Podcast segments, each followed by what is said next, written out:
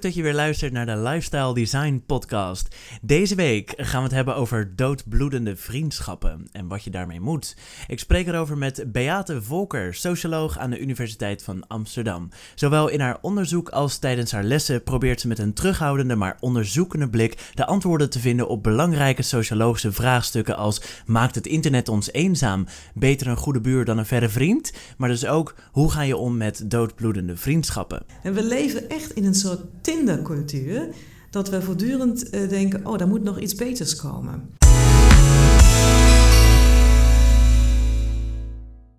Maar voordat we beginnen, abonneer je via jouw favoriete podcastkanaal Spotify, Apple Podcasts en Stitcher op de Lifestyle Design Podcast. Dan blijf je automatisch op de hoogte van volgende afleveringen. En luister je nou op Apple Podcasts, dan zouden we het enorm waarderen als je ons een goede rating geeft. Dat helpt ons weer om de podcast bij meer mensen onder de aandacht te brengen. Hoeveel goede vrienden heb jij eigenlijk, Ruben? Uh, echt goede vrienden, denk ik. Drie of vier. En ja, daaromheen dan nog uh, een, een, een, een schilletje van een man of tien, twaalf. Ook leuke vrienden. Ook wel leuke vrienden. Um, ik hoef ze niet hier te noemen nu, toch? Jawel, naam en telefoonnummer.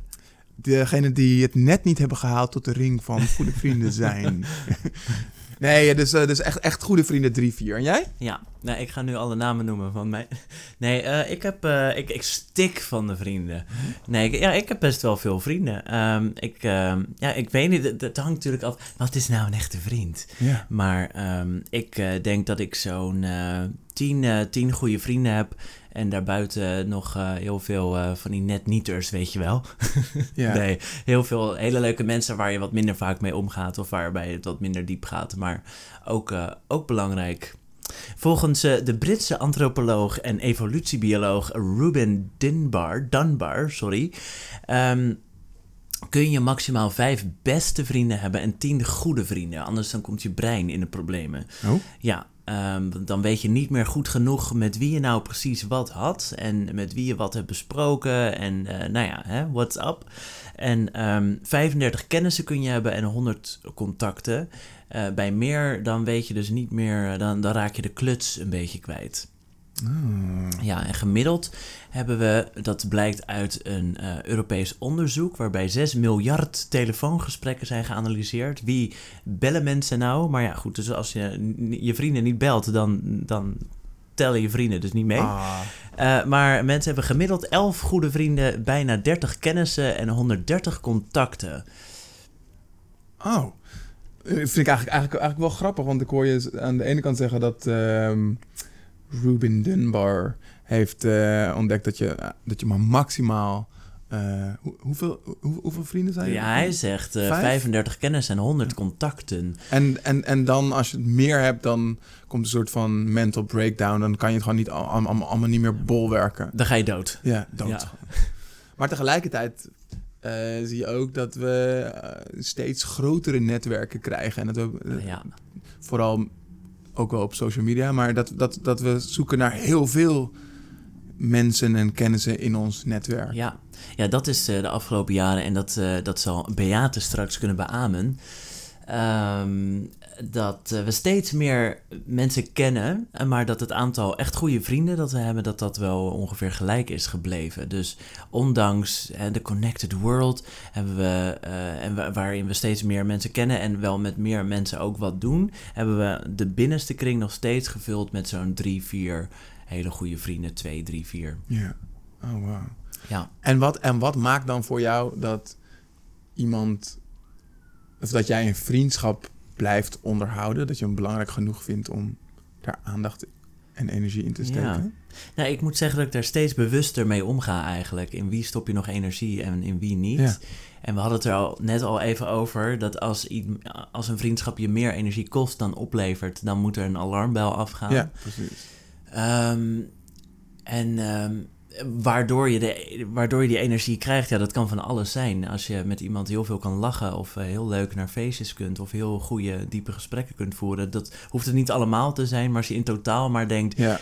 we maken elkaar blij, we hebben elkaar iets te bieden en daar voelen we ons allebei goed bij, dan, dan zit het goed, denk ik. En als je dat een aantal keer achter elkaar niet hebt, dan ga ik eens nadenken van, hmm, misschien eh, moeten, we, moeten we investeren in andere mensen, omdat we elkaar niet echt heel blij meer maken of zo. En dan? Is, maar is dat, je, je zegt het alsof je dat met diegene dan Ja, nee, dat samen is... bespreekt? Ik laat het doodbloeden dan. Ja, ja, eigenlijk, ja, ik zit er een beetje om, om te lachen, maar ik denk dat ik het ook doe. Dat Ja. je dan, dan laat je een tijd niks meer van je horen. Maar ik, ik vind het wel interessant, je komt dan, ik, tenminste, ik kom dan heel vaak op zo'n punt dat ik denk van, ik heb nu eigenlijk zo lang niks meer van me laten horen, dat ik het eigenlijk niet meer durf om nu iets van me te laten horen. Een Hmm. soort van sociale barrière of zo, waar ik dan overheen ben gegaan. Mhm.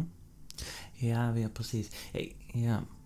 En, en, en wat doe je dan meestal? Dan, dan laat je ook niks meer van je horen. Dus dan is het eigenlijk, dat is eigenlijk het punt waarop het is doodgebloed. Dan is diegene dood. Dan is diegene Ja. dood. Nee, maar de- ja, wat ik dan doe op het moment dat ik wel echt denk van ik vind het echt jammer en ik, eh, en, en, en ik wil hier nog wel in investeren, ja, dan zet ik me er overheen en dan, ja, dan ga ik toch bellen. We, ja, we hebben elkaar eh, anderhalf jaar niet meer gesproken, maar hoe gaat het? ja, leef je nog? ja. Nee, dus dan, dus dan zet ik me er wel overheen, maar ja, het komt ook voor dat ik dan, dat ik dan uiteindelijk Ja. helemaal geen Ja. contact meer opneem. En wat is dan de reden om te denken, nou, we hebben elkaar anderhalf jaar niet meer gesproken, maar die vriendschap, die wil ik toch wel weer reanimeren.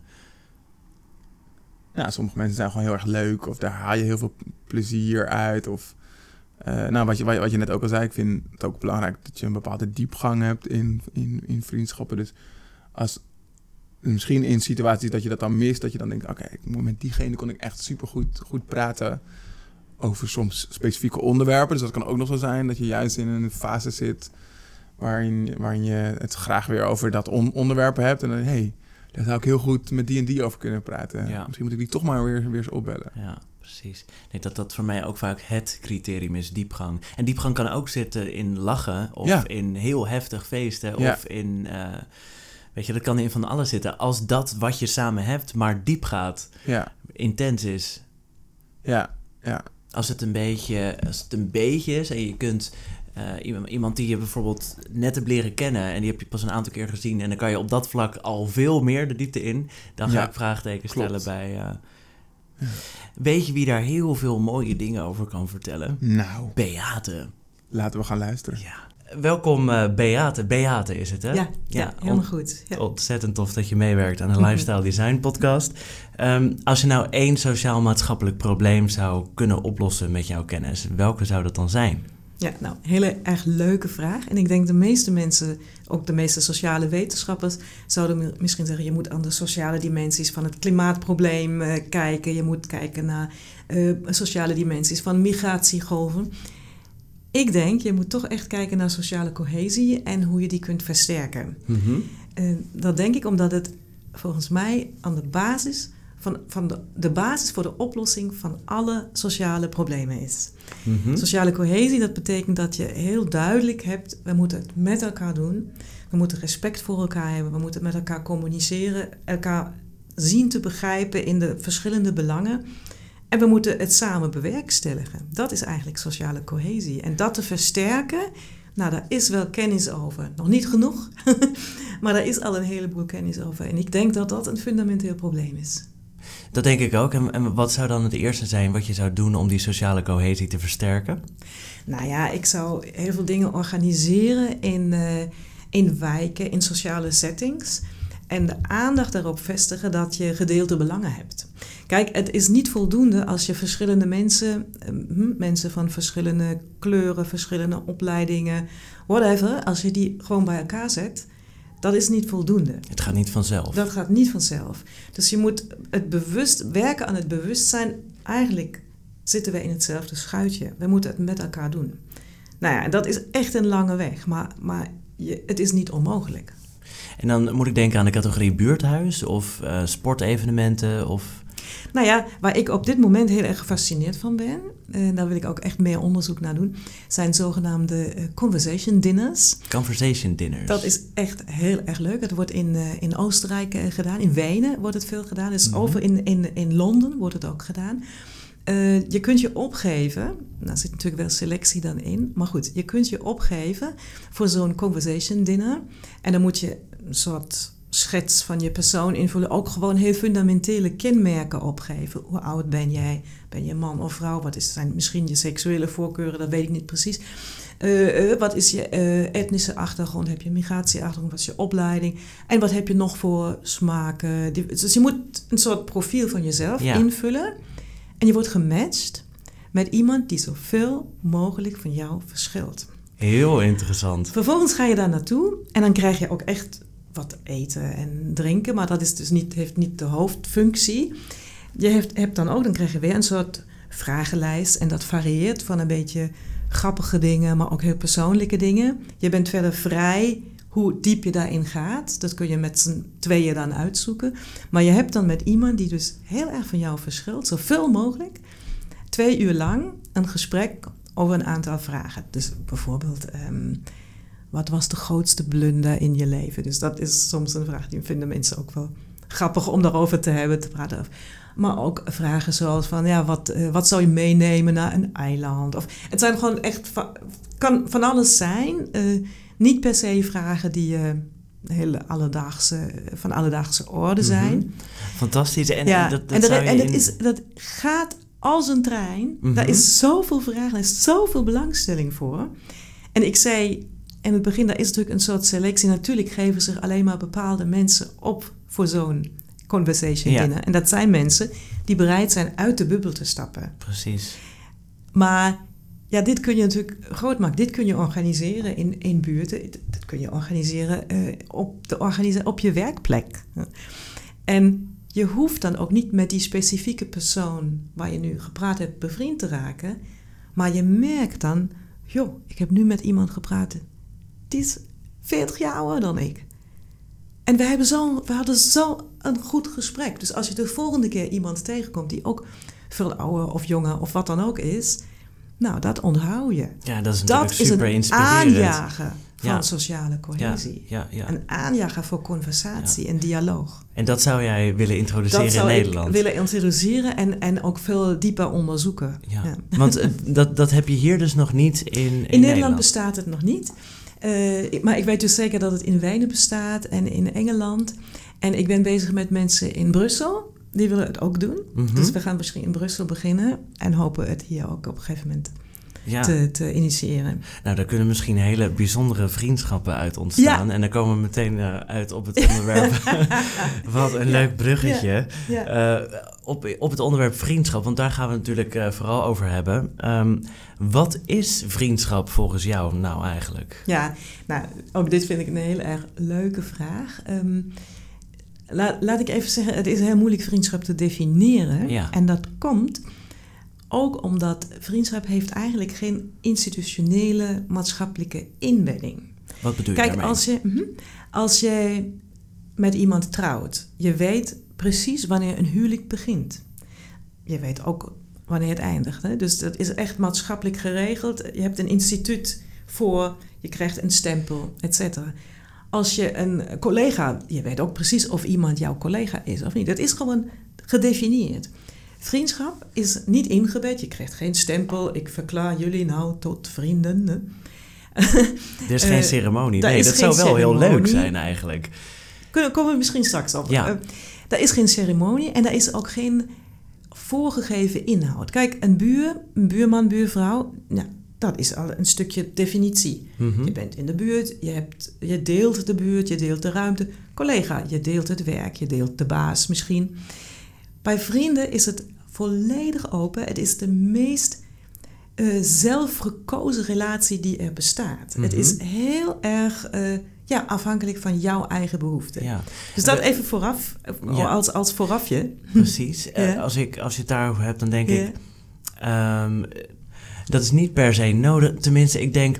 Zou je dat kunnen oplossen door het... Stel, op het moment dat je een vriendschap aangaat... of daar is geen strak moment voor... maar in een bepaalde fase waarin een vriendschap ontstaat... Ja. Zouden mensen het daar dan meer over moeten hebben? Wat verwacht je van deze vriendschap? Of hoe kijk jij tegen het begrip vriendschap aan? Zodat je meer van elkaar van tevoren weet wat je nu eigenlijk aangaat. Zodat daar, wat jij zegt, die onduidelijkheid, dat je dat oplost. Ik, ik denk dat je dat moet doen als je twijfelt. Als je niet weet of die ander het net zo ziet als jij. Ja, Ehm, het mooie is wel vaak dat je eigenlijk wel zeker weet, die ander voelt het net zo. Zonder Dus, het uit te spreken. eh, eh, vaak is het dan zo, je gaat dan samen ergens heen of je bent ergens en er komt een derde persoon bij die de een kent en die ander niet. En wat zegt hij nou? Het is mijn vriend, of het is een vriend, of het is een goede vriend.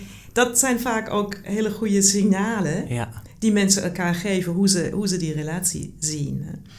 Maar dus, dus op een gegeven moment weten mensen over het algemeen heel goed, dit is vriendschap.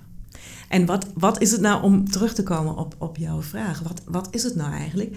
Het is een heel erg onbaatzuchtige relatie. Vrienden hebben met elkaar het beste voor. En onafhankelijk van de eigen belangen. Dat is, dat is een heel mooi, mooi iets. Kijk, we leven in een samenleving waar heel veel gerekend wordt. Ik heb dit voor je gedaan, jij moet dit doen. Uh, tit voor tat. Jij dit, ik dat. Um, dit is de geest van deze tijd. Hè? Mm -hmm. En dat is ook vaak in liefdesrelaties zo. Een soort opportunisme. In, in, in, huishoudens of in woongroepen. Ik heb gisteren de afwas gedaan. En nu moet jij nog echt maken. Ja. Ja. Vriendschappen zijn totaal niet berekenend. En is dat ook dan niet aan het veranderen? Want je zegt terecht, denk ik, heel veel relaties zijn erg zakelijk van aard in toenemende mate. En dat is een beetje de tijdsgeest ook. Gebeurt dat, zie je dat ook op het gebied van vriendschap? Dat ook vriendschappen dus baatzuchtiger worden eigenlijk? Omdat nee, dat zie ik niet. Dat nee. niet, oké. Okay. En nee, dat is dus het niet. mooie van vriendschap. Dat is, vind ik het mooie. Dat is een van de redenen waarom ik gefascineerd ben van deze soorten relaties. Ja. Ik vind het echt een tegenhanger van, van de tijdsgeest en van de zeg maar heel erg economische, kapitalistische denkwijzes die we hebben. Dat, dat is niet wat vriendschap doet. Vriendschap geeft elkaar heel veel tijd, heel veel credits. Zo van, nou ja, ik heb nu wel echt uh, heel, veel, heel, heel, veel voor jou gedaan. Ach, het komt wel goed. We maar... hebben zo lang tijd, het komt wel goed. Dus je brengt eigenlijk hele goede dingen in elkaar naar boven. Ja. Maar er is nog meer over te zeggen vriendschappen zijn ook een spiegel voor elkaar. Dus mm -hmm. dat is ook de reden waarom. Nou, vriend, vrienden kiezen elkaar uit op bepaalde dimensies. Daar weten we heel veel van. Uh, vrienden lijken heel veel op elkaar. Uh, zijn, wat voor dimensies zijn dat? In, het zijn belangrijke sociologische dimensies. En dan heb ik het over leeftijd. Vrienden verschillen meestal niet zoveel qua leeftijd. Iets van gemiddeld vijf jaar. Of hooguit vijf jaar, niet meer. En bijna niemand heeft een vriend die echt 10, 15, 20 jaar ouder of jonger is. Komt niet voor. Dat ligt voor een deel aan het keuzeproces. In die, maar het ligt ook aan de samenleving, omdat de samenleving verkokerd is en je komt elkaar ook sowieso niet tegen. Dus leeftijd is één ding. Opleiding is ook een sterke. Ja, ik zit even te denken dat je, of, of je elkaar niet tegenkomt. Want je, je zegt, dus je impliceert de, de maatschappij is zo ingericht dat je vooral Ja. leeftijdgenoten tegenkomt. Maar bijvoorbeeld op de werkvloer, waar je vaak toch zo'n 40 uur per week doorbrengt, dan kom je juist. Dat klopt. Werk zou een sociale mixer wat dat betreft kunnen zijn. Buurten ook. Maar ze doen het niet. En ik denk bij het werk heb je natuurlijk toch ook bepaalde formele structuren, hiërarchieën. Er is heel veel communicatie en interactie is toch ook een beetje gereguleerd. Er ontstaan geen intergenerationele vriendschappen op het werk. Dus dat is eh, zelden. Ja. Geen inter? Intergenerationele. Intergenerationele, Ja. oké, Ja, precies. dus vriendschappen tussen Precies, dus verschillende generaties. hè. generaties. Dus als je- Ja, en ik vind dat persoonlijk, moet ik zeggen, een, een gemis. En dan Ja. heb ik het niet alleen over generaties, maar laten we zeggen 10 jaar verschil, 15 jaar verschil. Er gebeurt natuurlijk zoveel in de samenleving dat je ervaringen heel goed door kunt geven. En in andere culturen weten we ook dat dat zo is. In ja. Japan heeft een heel sterk eh, eh, waardering voor iets van seniority. En, dat, en, en er worden ouderen juist geacht dingen door te geven. Je kunt het ook omdraaien, dat je zegt, jongeren weten heel veel over wat er nu speelt. Geef het door. Dus Ja. zorg voor die. Dus dat is, maar dat is dus één scheidslijn. En het is één eh, dimensie die belangrijk is bij het kiezen van vrienden. Leeftijd. Dus los van dat het je bijna onmogelijk wordt gemaakt, omdat je in de Precies. maatschappij nu eenmaal weinig leeftijdgenoten tegenkomt binnen een omgeving die je toestaat eigenlijk om vrienden te worden, Ja. is het ook een voorkeur van mensen Precies. om met hun eigen Ja. leeftijd om te gaan. En wat zijn die andere dimensies? Dus die voorkeuren die zijn heel sterk. En die andere dimensies zijn opleiding, is ook een hele sterke. Vriendschapsnetwerken, vriendschapskringen verschillen of nauwelijks in, in opleiding. Ehm, intelligentie weten we eigenlijk niet zo goed. Dat denk ik, dat is nog nauwelijks onderzocht. Maar opleiding, en dan heb ik het niet alleen over de, het niveau van de opleiding, maar zelfs ook een beetje het type Aha. opleiding. Dus, eh, Sociologen gaan om met sociologen. Of in ieder geval met sociale wetenschappers. Precies, oké, ja. En veel minder Ja. met natuurkundigen. Dus, Mhm. Dat is, daar zit, wel, daar zit wel echt wat in. Het Ja. klinkt grillig, maar het is... eh, Ja, En, ja, het is eh, ook logisch natuurlijk. het is- je, ja. het is een soort hobby, een soort interesse die je deelt. natuurlijk, opleiding maakt het misschien ook heel makkelijk te begrijpen waarom dat zo is. Ja. Eh, je, je deelt heel veel. Je raakt ook makkelijk aan de praat. Ja. En eh, nou, even dat afmaken. De an- andere dimensies zijn eh, seksen. Is wel een minder sterke, maar het is er natuurlijk wel. Dus vriendschap tussen man en vrouw komt gewoon minder vaak voor dan tussen man en man en vrouw en vrouw. Ja. En dat komt omdat als je met een man bevriend bent als vrouw of andersom, je moet je op een gegeven moment vragen: oké, wat, wat zijn wij nou? Zijn, worden wij nou verliefd op elkaar? Wat zijn wij voor elkaar? Er zijn ook films over gemaakt, hè? Of het, dit, soort, dit soort- heel leuk. Een hele mooie boek over En, geschreven. en daar is natuurlijk ook een soort maatschappelijke druk die je dan voelt. Stel, je gaat samen uit eten naar de bioscoop of zo. Je wordt als relatie, als stel ja, gezien. ja, En dus, dus het is een beetje vreemd. En het wordt nog, laat ik zeggen, ongemakkelijker als die allebei of een van de twee dan een partner heeft. mhm. Dan, zegt, dan heb je een soort driehoek eh, waar die partner dan zegt: Ja, maar wat, wat doe je nou met die ander? Waarom- Omdat er dan jaloezie in het spel is, ja, en dan komt dan. Dus het is een hele spannende Mhm. relatie in ieder geval. En, en wij denken, sociologen denken dat het daarom. dit- Dat zet toch echt druk op die relatie, dat het daarom minder vaak voorkomt. Het is spannend, maar niet onmogelijk. Dus gender is een, is een scheidslijn. Mhm. Ehm, nou, opleiding, leeftijd, gender. En de laatste belangrijke sociologische scheidslijn is eh, etnische achtergrond. Ja. Eh, ook daar hebben we natuurlijk weer heel veel met waar ontmoet je eigenlijk mensen die echt wezenlijk van jou verschillen Ja. qua etnische achtergrond. Maar ook als je die ontmoet, zijn vriendschapsnetwerken toch wel vrij eenkleurig. ja. Als ik dan aan deze dimensies denk, dan ehm, vraag ik me af... Ontstaan er vriendschappen op die dinners waar je het eh, eerder over had? Mhm. Uh, die conversational Dat is nog dinners. nooit onderzocht. Ik ben er eigenlijk heel erg benieuwd naar. Het zou dus moeilijk moeten zijn, En- wat die dimensies betreft. Ja, en ik, ik denk het eigenlijk inderdaad ook niet. Maar ik denk dat het een soort aanjager is. Ik denk dat Mhm. je iets in beweging zet. Dat je, dat je gewoon zegt, nou, ik heb zo'n goed gesprek gehad. Dat had ik nooit gedacht dat ik met iemand die van mij verschilt qua hm, al dit soort dimensies. En het schept een soort mogelijkheid voor meer. Dus, dus het, het, over, het is een brug. Het is het bouwen van een brug over scheidslijnen. Ja, het, vergroot het onderlinge begrip. Ja, ja. Ja. en dat is natuurlijk stap één. Om het mogelijk te maken dat, je, dat, je dan die, dat die verschillen eigenlijk in het niets vallen. hè. Ja. Dus dat, je hele andere, dat andere dimensies belangrijk worden. Je- Je ziet overeenkomsten waar je de eerder Ja. niet zag. Ja, Ja. Ja. We hebben het nu gehad over ehm, het aangaan van vriendschappen en wanneer vriendschappen ontstaan en wanneer niet. Ehm, in deze tijd zie je ook wel dat, ehm, nou ja, we hebben het allemaal ontzettend druk en eh, ja, ik zit even te denken, het is heel erg tweeledig volgens mij. Want enerzijds zou je kunnen concluderen hè, dat door de super connected world dat we steeds meer vrienden hebben. Anderzijds tonen onderzoeken ook aan dat we juist steeds minder vrienden hebben. In Amerika bijvoorbeeld is het aantal vrienden dat mensen zeggen te hebben gedaald de afgelopen tijd. Ehm, wat is daar aan de hand? Mhm. Ehm, nou, eerst even één ding.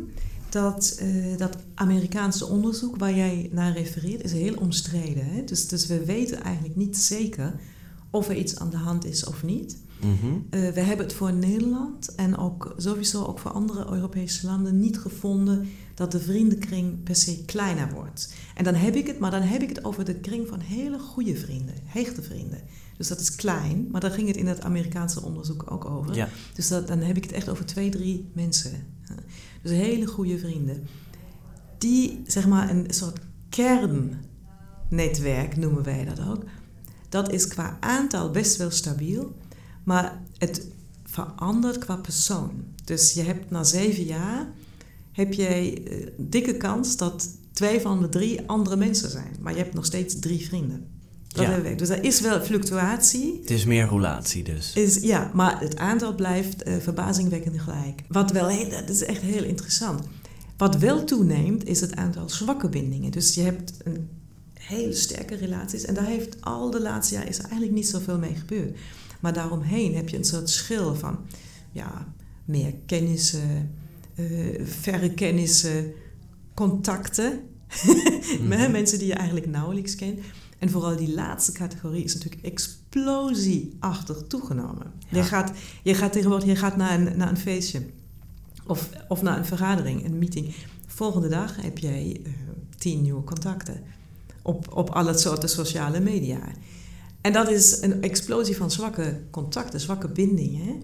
Precies. en, en kan het zijn dat daar besteden we ook tijd aan. Minder tijd natuurlijk dan aan onze superhechte vrienden.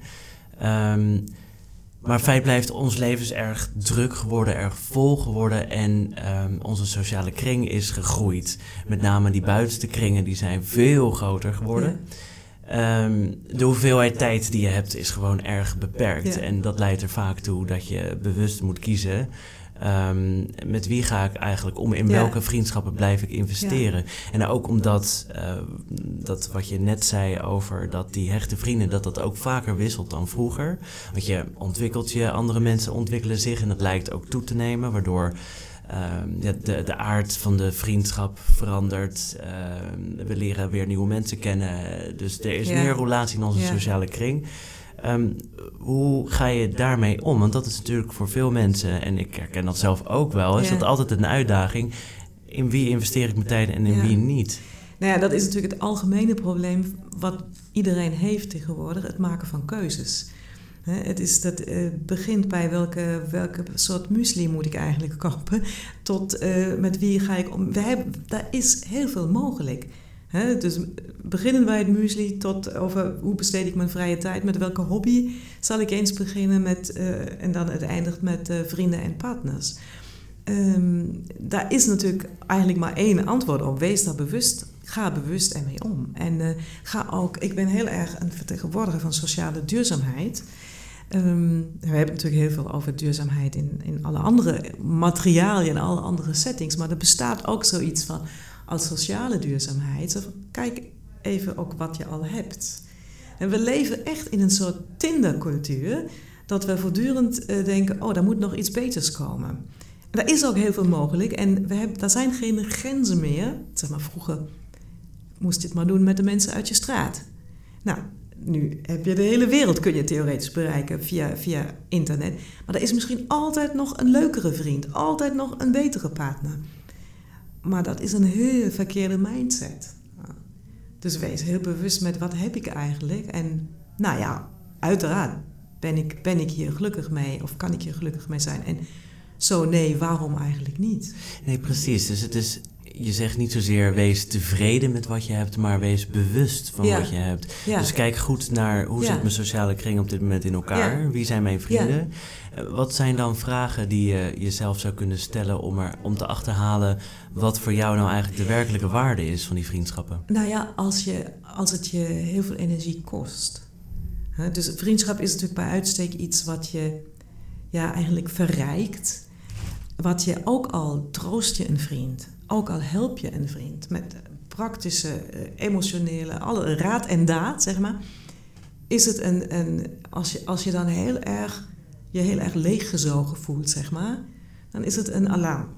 Alarmteken. Hè? Dus, want ook dan, want het, het hoort, vriendschap hoort echt vanzelf te gaan en het moet je, ja, en je wordt er blij van. En als je dat meerdere keren merkt, ik, ja, ik vind het heel vermoeiend. Ik word er niet meer blij van. Ik heb het idee, ik haal er ook geen inspiratie meer uit. Dan, dat is, dat zijn, dan ben je daar niet gelukkig. En dan moet je nadenken, waar, waar ligt het aan? En dan mhm. kun je het best een gesprek aangaan. Ben jij veranderd? Ben ik veranderd?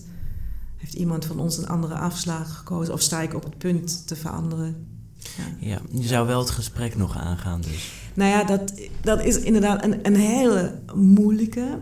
Ik zie uit onderzoek dat de meeste vriendschappen eigenlijk doodbloeden. in stilte. Verwateren, in stilte. Mensen gaan het conflict uit de weg. Ja. En aan de ene kant is dat jammer, omdat je, ja, omdat je het niet uitspreekt, niet duidelijk maakt. Aan de andere kant, ik ben daar heel erg dubbel in. Aan de andere kant ehm, hou je ook zo een deur open. En dat is helemaal niet slecht. Het is heel natuurlijk dat mensen komen en gaan. Dat hoort bij het leven. Daar, daar is ook niks mis mee. Het is, daar hoef je ook niet schuldig over te voelen. Jij hebt je anders ontwikkeld. Of die ander heeft zich anders ontwikkeld. En het is moeilijk dat uit te spreken, maar het is ook niet onmogelijk dat, dat het even laat voor wat het is. En dan heb je een tijdje wat minder contact met elkaar. En ineens vind je elkaar weer. En als je het conflict wel was aangegaan, dan was iemand misschien vertrokken en had de deur achter zich dicht gedaan. Ja, dan verdiep je de, de, het conflict. Verdiep je de verschillen die er zijn. Nou ja, dat, is natuurlijk een van de twee mogelijkheden met een conflict. Anderzijds kan je natuurlijk zeggen, goh, misschien kom je er tijdens dat conflict wel achter. Nou, eigenlijk is er dit en dit in de hand. Daar was jij je niet zo bewust van. Dan kun je er wat aan doen. En is die vriendschap misschien voor de rest van je leven een topvriendschap. Ja, precies, precies. Daarom is het heel erg moeilijk. En ook, daar kun je niet echt een, een heel erg goed algemeen geldig antwoord op geven. Maar je hebt heel veel vingerspitsengevoel nodig. En je kunt het, en het is niks mis mee, het ook eventjes te laten rusten. Mhm. Maar op een gegeven moment moet je voor jezelf ook, oké, laat ik het nu gewoon rusten? Of ga ik nog een keer gewoon toch echt even kijken? En wat bedoel je met dat vingerspitsengevoel? Nou ja, hoe ga ik het conflict aan? Wil ik dat? Uh, is het het waard? Het, is het het waard? Zit de kans daarin dat er juist die mooie vriendschap voor de rest van je leven dan uit voortkomt? Dat zijn dingen, daar moet je heel erg helder over zijn. Ja. Stel, ik moet trouwens nu denken aan een, uh, een, filmpje van Loes zegt de vriendschap op op YouTube. Heb je dat wel eens ja, gezien? Mm, ik weet het niet. Uh, nou, het is, uh, het is een, een Nederlandse cabaretier, een vrouw die, die belt haar vriendin op. En die zegt de vriendschap op. En het is grappig omdat het zo onnatuurlijk is natuurlijk. Omdat niemand de vriendschap opzegt. alsof het een soort abonnement op de Donald Duck is.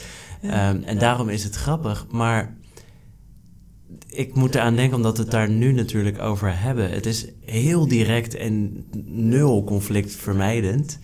Um, nou ja, het, grappige of opvallende hieraan is natuurlijk dat zij er al een keuze in maakt ook. Ze zegt de vriendschap op. Maar dat zou je dus nooit doen. Nou ja, kijk, als je ruzie hebt, als er nou echt iets is voorgevallen waar je totaal niet eens bent met die ander, uh, nou, dan kun je zeggen, nou, sorry, het is nu klaar voor mij. Ja, dus dat, is, dat gebeurt ook, maar dat gebeurt echt heel zelden.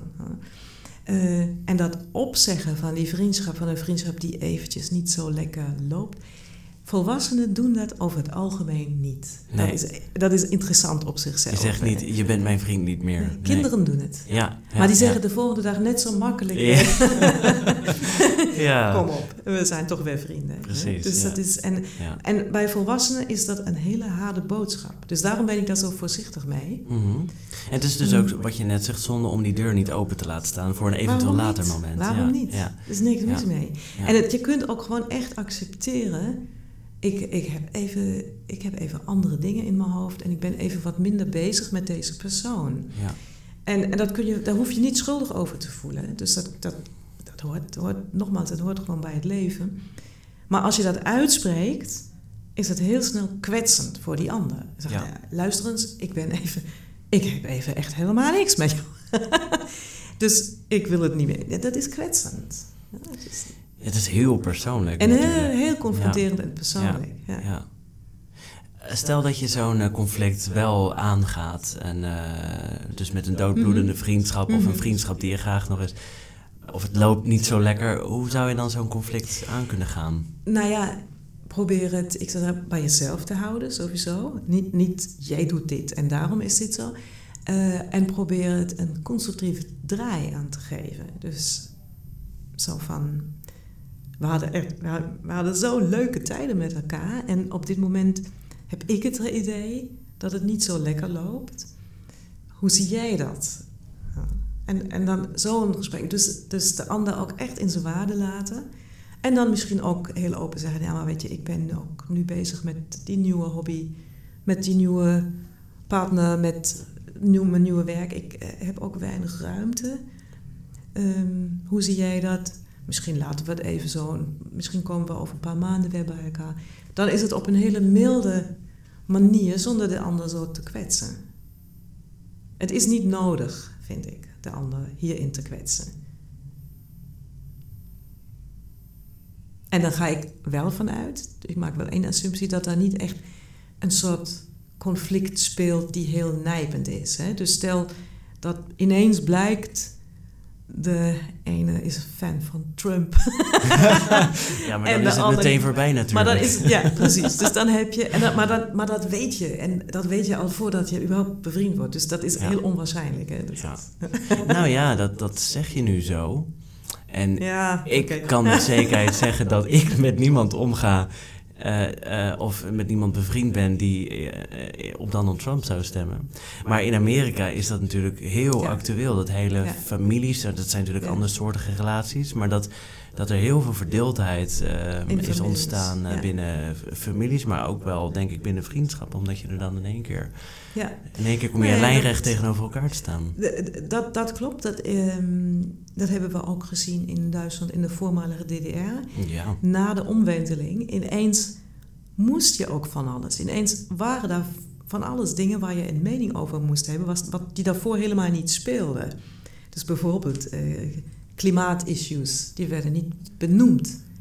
En ineens moest je daar een positie of, of, of vlees eten. Vlees eten is ook een hele goede, waar je het oneens over kunt zijn, hè? Of, of vegan eten. Dus dat zijn natuurlijk allemaal dingen. Ehm, je hebt in deze tijd natuurlijk ook heel veel dingen waar je het oneens over kunt zijn. Maar de heel belangrijke dingen, dingen die je echt aan het hart gaan, daar zijn vrienden over het algemeen eens over. Vrij snel. Is dat dan zo, uh, zo belangrijk? Vind jij dat belangrijk? Denk jij dat dat heel belangrijk is dat je het over veel eens bent? Is dat een voorwaarde voor goede vriendschap?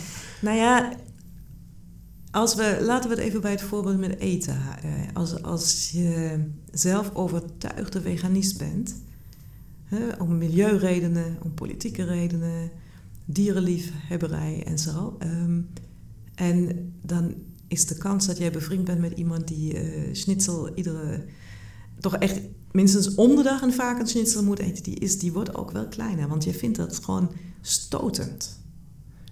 En dat zorgt er dan voor dat je geen respect kunt hebben voor de ander of geen bewondering. Nou ja, ja je wilt natuurlijk, je wilt het goede zien in elkaar en je wilt ook het, gespiegeld worden in een op een manier dat jij bevestigd wordt Precies. in wat jij doet. Maar die snitsel zit in de weg. En dat zit, dat zit elkaar dan, dan behoorlijk in de weg. En dan, dan komt het dan zeggen, ja, ik vind jou, ik vind jou ontzettend leuk, maar dat, dat eetgedrag van jou, dat... Nou ja, en het leuke is natuurlijk dat als je dat dan kunt hebben in een vriendschap, dan ben je heel ver. Dat is natuurlijk geweldig. Maar zo ver komen, dat vergt wel dan, dan moeten andere dingen heel erg belangrijk en heel erg goed zijn. Dat zijn twee verschillende dingen inderdaad. Je moet wat opgebouwd hebben om ook iets te kunnen incasseren. Daarnet zei je, um, tenzij er iets aan de hand is, en uh, toen noemde je een voorbeeld, en dat komt natuurlijk vaak voor, dat iemand gewoon eventjes heel weinig ruimte heeft. Of eventjes, nou bijvoorbeeld mensen die uh, kinderen krijgen, die hebben niet eventjes, maar vanaf dan een stuk minder ruimte. Dus dan moet je bewuster gaan kiezen met wie je nog omgaat. Um, dat gezegd hebbende en ook gezegd hebbende dat mensen, dat die buitenste kring, buitenste sociale kring heel veel groeit. Dat, dat mensen steeds meer mhm. kennis en contact mhm. hebben. Ehm, is er een beetje een dilemma? Steek ik meer energie in die binnenste kring en wie laat ik dan toe uh, in die binnenste kring? En stop ik, of stop ik deels met die buitenste sociale kring? Of eh, investeer ik tijd ook in die buitenste sociale kringen, zodat die binnenste sociale kring, die dan toch ook weer sneller ververst op een gegeven moment in deze tijd, de kans heeft om met nieuwe mensen te worden. Nou, het interessante is, we zien eigenlijk zeg maar, dat de kwaliteit van die binnenste kring, die is tamelijk onveranderd. We zien daar, en, en we hadden allemaal alles, we hadden allemaal verwacht dat dat er ook zwakker wordt. Of dat, daar, en, en ook dat de snelheid van verversing, hoe, hoe zeer dat is toegenomen, weten we ook niet precies. Daar moet je hele goede data voor hebben. Ja. Het zou nog wel eens mee kunnen vallen, maar het, het wordt wel ververst, dus dat weten we. En het is heel aannemelijk te zeggen, het wordt ook misschien wat sneller ververst. Ehm, maar de kwaliteit blijft tamelijk constant. Ondanks Dus- dus, die extra tijd die in de buitenste... Ja, ondanks die extra tijd. Dus op een of andere manier lijkt dat mensen daar ook heel handig in worden. Mhm. Eh, we zijn veel socialer dan we dachten. hun netwerkmanagement, zeg maar. Ja, ja. Dat is... eh, en, en, nou ja, maar kijk... Je hebt natuurlijk een hele... Al die contacten die je hebt in, in diverse kringen, diverse media, et cetera... Dat, is niet, dat gebeurt ook niet dat je dat ineens hebt. Je groeit daar ook in. Eh, er zijn trouwens ook mensen die zeggen... Nou, nu, ik, laat nu niemand toe meer... of ik ga een poosje eh, me af, afsluiten van...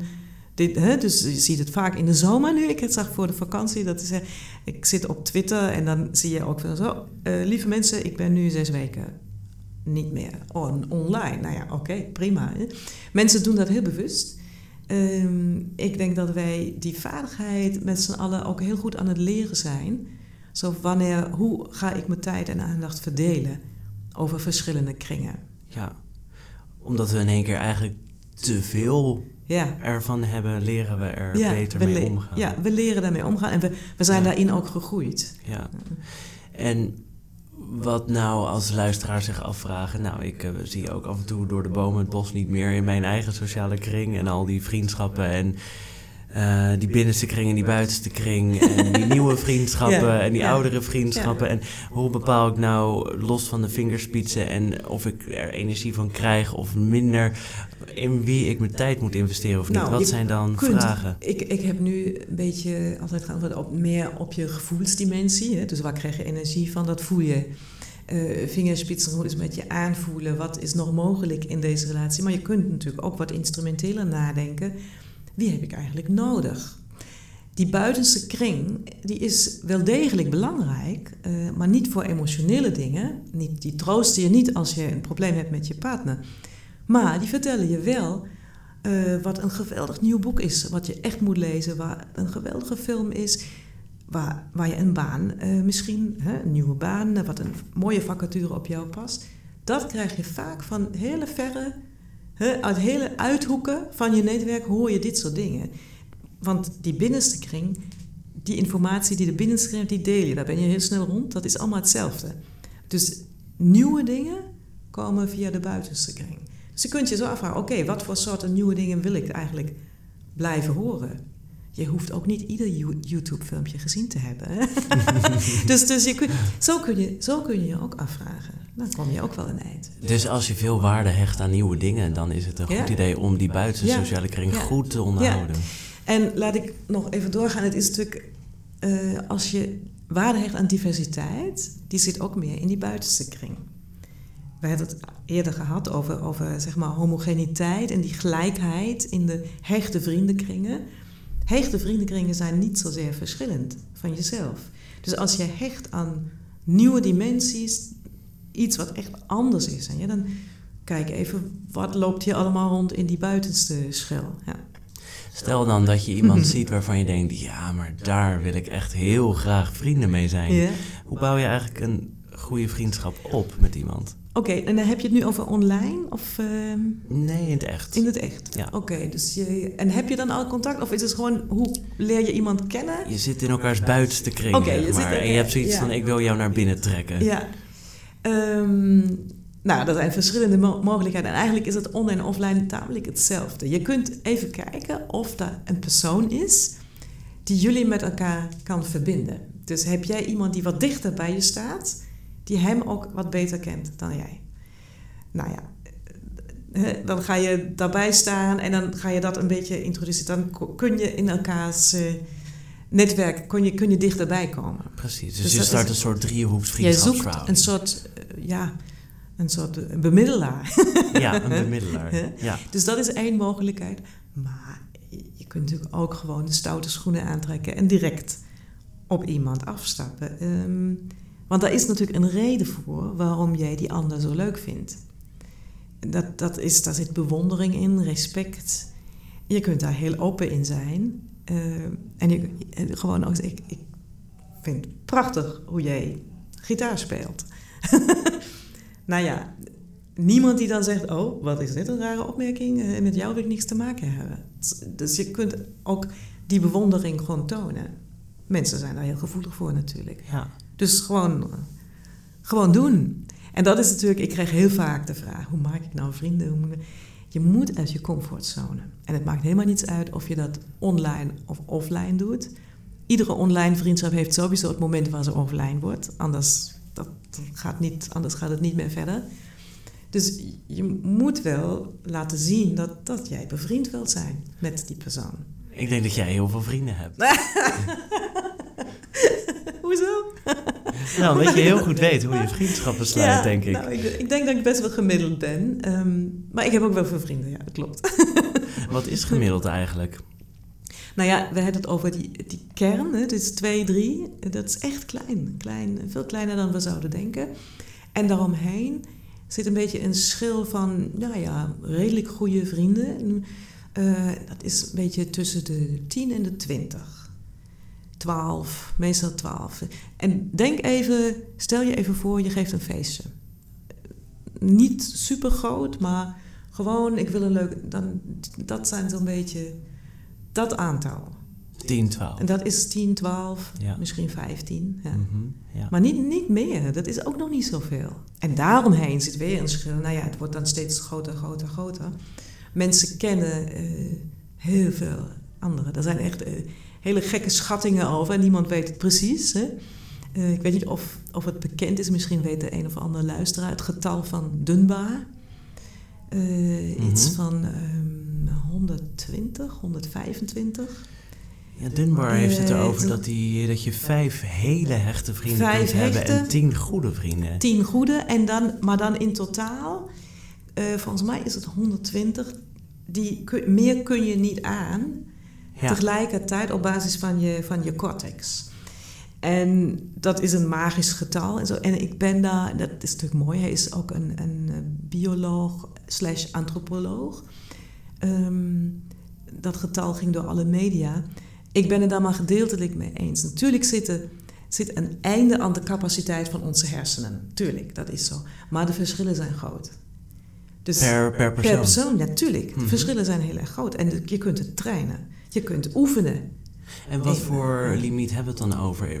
Gaat het dan over emotionele intelligentie, de intelligentie het algemeen? Het gaat echt over de cognitieve capaciteit te, dat je simpelweg onthoudt wie ah. wie is en hoe oud die is en wat was dit nou weer voor een relatie.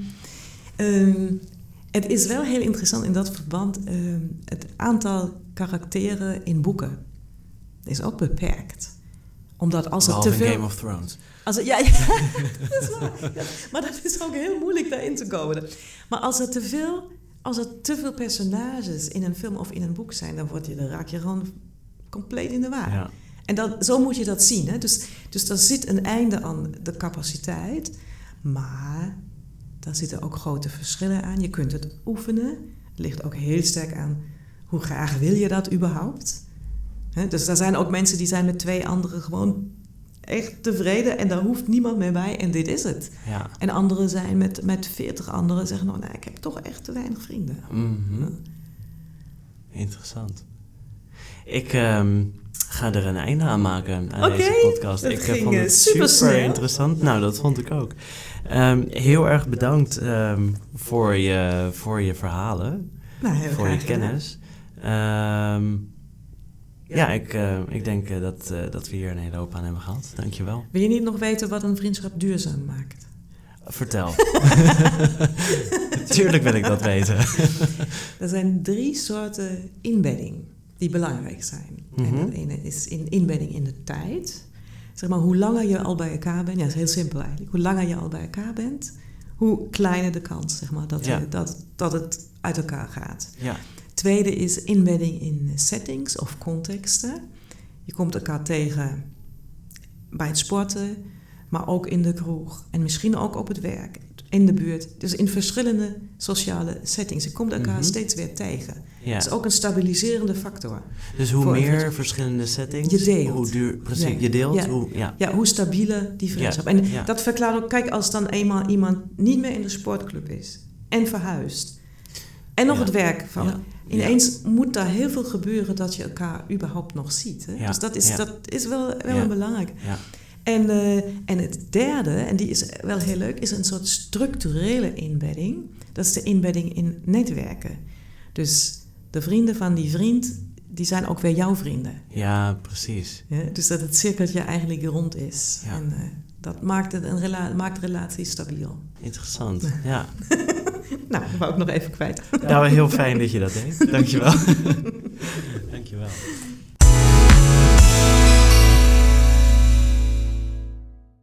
Eh, wil je nou ook vrienden worden met ons? Vergeet dan niet op follow te klikken. Eh, of gewoon als je het een hele leuke aflevering vond. Eh, dat kan gewoon hier op het kanaal waar je nu op luistert. En heb je nou een vraag of wil je iets anders met ons delen? Bijvoorbeeld eh, een idee voor een volgende aflevering? Laat het ons dan weten via lifestyledesignpodcast.nl. Volgende week gaan we het hebben over gelukkig zijn. Zonder er wat voor te hoeven doen. Sterker nog, juist door er niet meer naar te streven. Dan spreek ik met Linda Spaanbroek en Angela Mastwijk van de Shift Academy. Zij zijn ook wel bekend van de podcast Geluk in de aanbieding. Tot volgende week.